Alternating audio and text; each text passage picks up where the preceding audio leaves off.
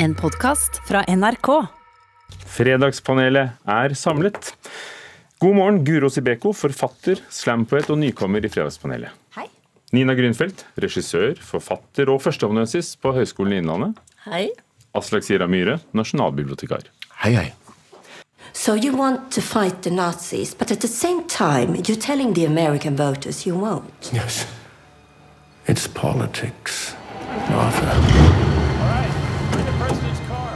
President Roosevelt og kronprinsesse Märtha i TV-serien Atlantic Crossing.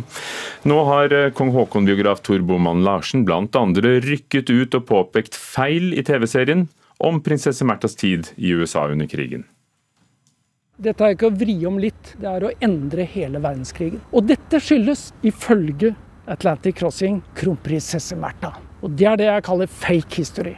Fake history, men serieskaper Alexander Eik svarer Jeg mener det er bare rett og slett overveiende sannsynlig at Märtha fungerte som en agent for norske interesser i Det hvite hus, og det er jeg jo ikke alene om å mene heller. Det ligger jo også på kritikernes eh, side å bevise at det ikke skjedde. Er det opp til historikere å bevise at det ikke skjedde som i TV-serien Aslak Sira Myhre? Nei, absolutt ikke. Nina Grünfeldt, Nei, det er vel ikke det. Guro Sibeko. Nei. For en enig gjeng. Ja, jeg eh, måtte sette meg ned og se en episode av Atlantic Crossing i går. eh, Etter å ha først lest debatten, og så se en episode. og Jeg kom ikke til å se mer enn én. Eh, og Nå kommer jeg ikke til disse punktene hvor Märtha redder verden i det hele tatt. Jeg kom bare til starten av krigen, men, men det er helt åpenbart at du her sitter med Altså det, det er based on a true story, står det i amerikanske filmer. når det er sånn, og Det er basert i betydningen at du sitter med en kronprins og en kronprinsesse som er på de samme punktene, stort sett, som den faktiske kronprinsen og kronprinsessa var. Men så stopper det helt åpenbart der. Etter det er alt fiksjon. Det er ikke noe likhetstrekk mellom de faktiske menneskene, sånn som vi kjenner de gjennom historien og rollen de har hatt. og andre ting. Det er to dramatiserte figurer som eksisterer i hodet til regissøren. og Det er helt greit, men, men du må ikke da tenke at det er overveiende sannsynlig at det var sånn. Guro Sibeko, du, du skriver jo bøker. Bør du ikke kunne ta deg friheter, du, og akkurat som serieskaperne? Jo, absolutt. Uh, altså, det, er, det er ikke noe galt i at serieskaperne har tatt, tatt seg store friheter. Uh, men det er jo heller ingen tvil om at de har gjort det. Uh, sånn at Altså, spørsmålet var jo om Altså, om Hvem har bevisbyrden her? hvem har bevisbyrden her? Og, og det er jo det er jo heller ikke opp til serieskaperne når de skriver fiksjon å bevise at ting skjedde sånn som det gjorde, eller sånn som de påstår i fiksjonen sin, for det gjorde de jo åpenbart ikke. Så egentlig så sliter jeg litt med å skjønne hva som er diskusjonen, for alle er jo enige om at det ikke Det var jo ikke sånn. Altså det er jo tydelig at Dette er jo en diskusjon som skjer mange steder. Det er jo en lignende diskusjon som pågår i England når det gjelder The Crown. Uh, og jeg tenkte at det var litt interessant, Jeg har jo nå sett, satt meg ned og sett fjerde sesong av The Crown og syns at det er fantastisk. Og havner nok litt i den fella at jeg tenker at ja, men gud så interessant, fordi dette har da kanskje skjedd. Når jeg ser den norske versjonen, så har jeg kanskje et litt annet blikk, et litt mer kritisk blikk, og tror nok ikke umiddelbart at det har skjedd. Det kan ha litt med ulike kvaliteter i produksjonen å gjøre også. Og jeg er jo i og for seg en tilhenger av at vi skapende mennesker skal få lov til å ha fortolkningsmuligheter, men det er klart det blir litt gærent når man både i form og innhold og via historikere opplever så til de grader at dette er for langt fra det som var realiteten. Det er akkurat det jeg tenker. fordi at eh, altså, Du skaper hva du vil. Eh, Men det er to veldig forskjellige ting å skape historisk drama og kontrafaktisk historisk drama. Eh, Og Begge deler er veldig spennende. Begge deler er kjempeinteressant. Men hvis det er kontrafaktisk, så spiller du på 'tenk hvis dette hadde skjedd', istedenfor det som skjedde. Og Det som jeg så, og det som jeg har lest om Atlantic Crossing, er at det ligger mye tettere på kontrafaktisk historieskriving enn historisk drama. Altså, tenk om Märtha var agent. Tenk om Märtha egentlig gjorde dette. Tenk om kong Olav, eller kronprins Olav som var da, var en slags kommandant for de norske styrkene eh, på veien ut av Norge. Tenk hvis det egentlig var kongehuset som leda Norge. Altså, men det var ikke det. Det var ikke sånn det var. Altså, Nei, Det hadde jo vært spennende, men da burde jo også filmskaperne i tydeligere grad ha sagt nettopp dette, at dette er en teori vi har, og det kunne jo blitt skikkelig spennende drama, men, tenker jeg. men da er det kontrafaktisk og ikke faktisk. Og så er det andre i forhold til Crown, jeg bare sier i dag, for det er òg noe med kvaliteten i produksjonen som, som du er inne på. For at Når jeg ser The Crown, så ser jeg et ganske usympatisk portrett av den britiske kongefamilien. Hvor det er ikke en eneste karakter som framstår særlig heltemodig. Det måtte være Diana, men selv hun står fram mer manipulativt her enn hun gjør andre plasser. Og når jeg ser på Atlantic Crossing, så ser jeg en heltedyrkelse som minner om om du skulle forstå amerikansk historie gjennom en John Wayne-film. Så det, det, altså det er ekstremt lite feil med de kongelige i, i den framstillingen her, og det gjør òg at den blir veldig lite troverdig. Mm. Det er jeg helt enig i. Nå har jeg bare sett denne ene episoden. Ja, jeg, jeg, valgte denne episode fire. Jeg skulle se en i går.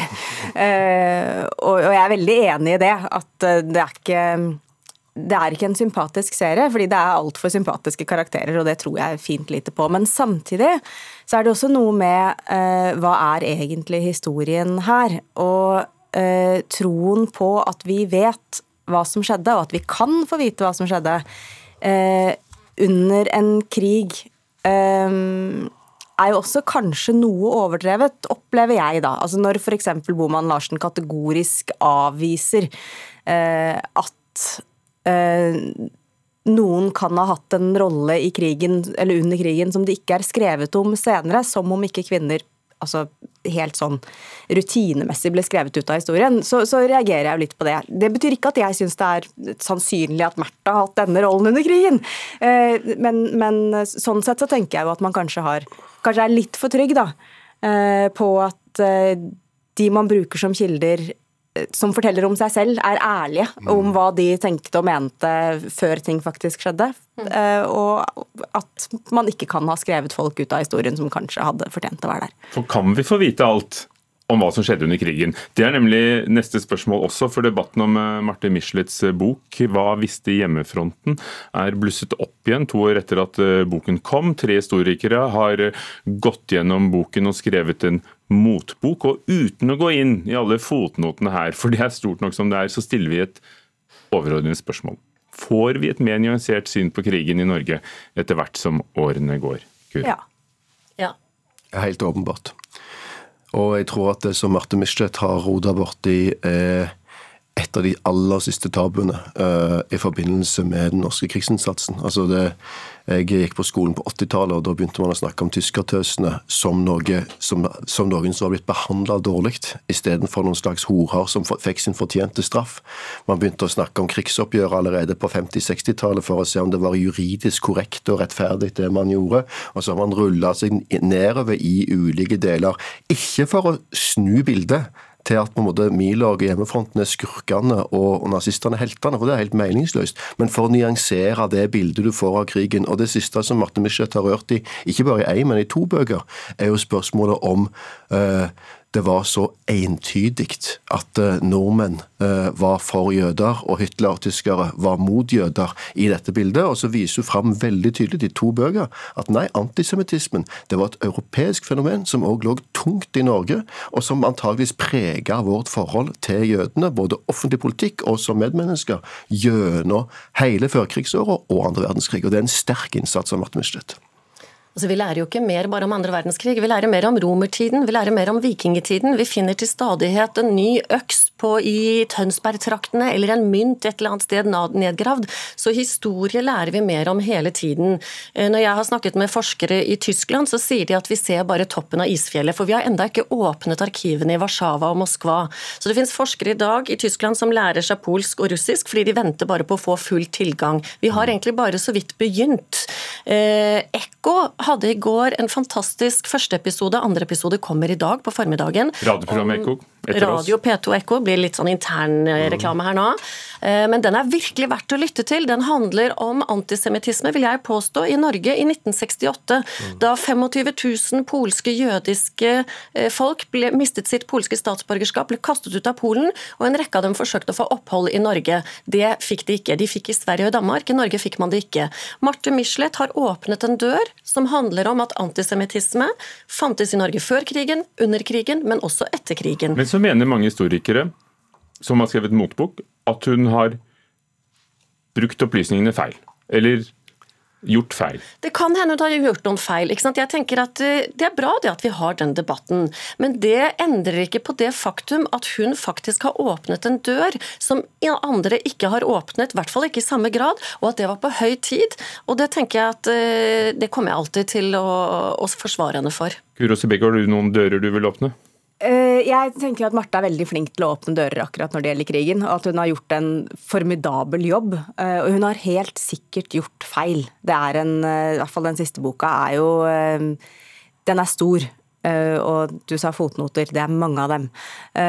Men det at hun kan gjøre det, det handler jo nettopp om at vi er i ferd med å Eh, komme ikke bare så langt fra krigen, men også til et sted i historien vår hvor vi eh, ikke lenger trenger krigshistorien på samme måte som før for å forsvare det samfunnet som eksisterer.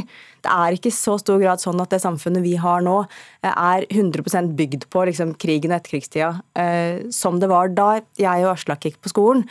Eh, hvor det eneste de skulle lære oss, det var hvem som var helter og hvem som var skurker.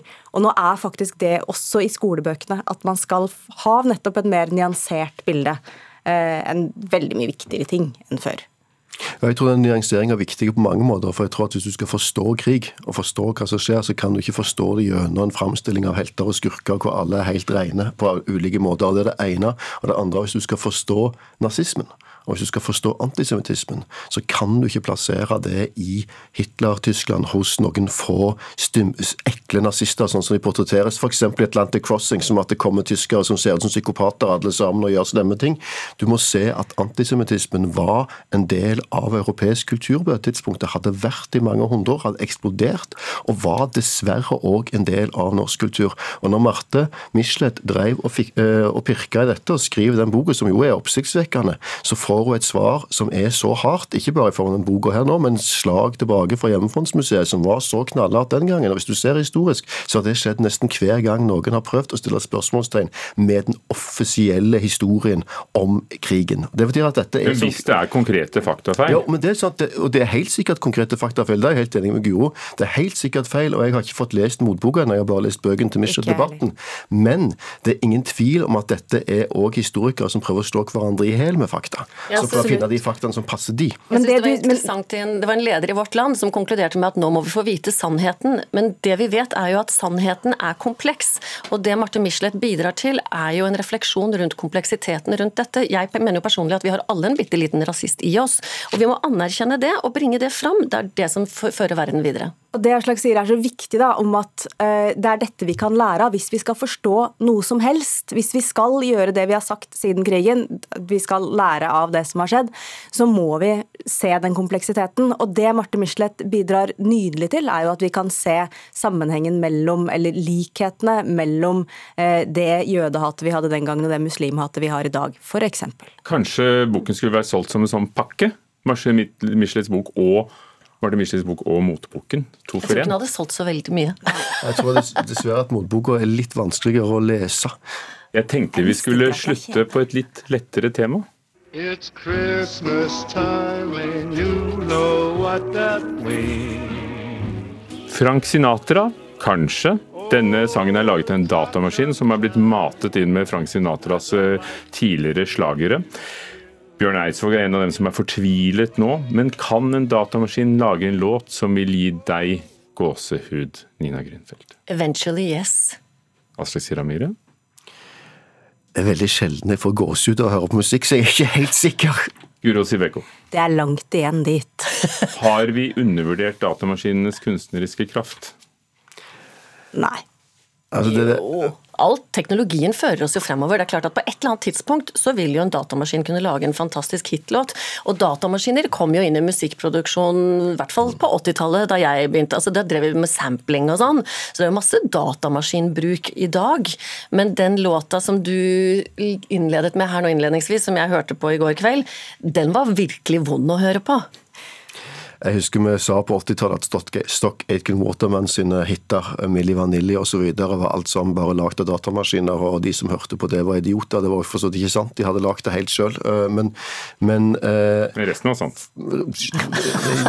Nei, det var ikke det. Jeg må innrømme det. Men hvis du da tar og, og, og på en måte ser hva som blir sagt om datamaskiner, det jeg egentlig vil fram til, så sier man egentlig akkurat dette hele veien. Og det har man gjort siden de science fiction-fortellingene fra mellomkrigstida. Datamaskinene tar over, de gjør dette, de gjør dette at hvis du ser hvor mye menneskelig arbeid som lå bak at den datamaskinen kunne sample den låta, hvis du hadde sett hvor mange timer med kode som ligger bak, så ville du ikke stilt spørsmål, tror jeg. Ja, nei, altså Jeg fikk samme følelsen av å høre på den sangen eh, som jeg får når bilen min skal kjøre selv.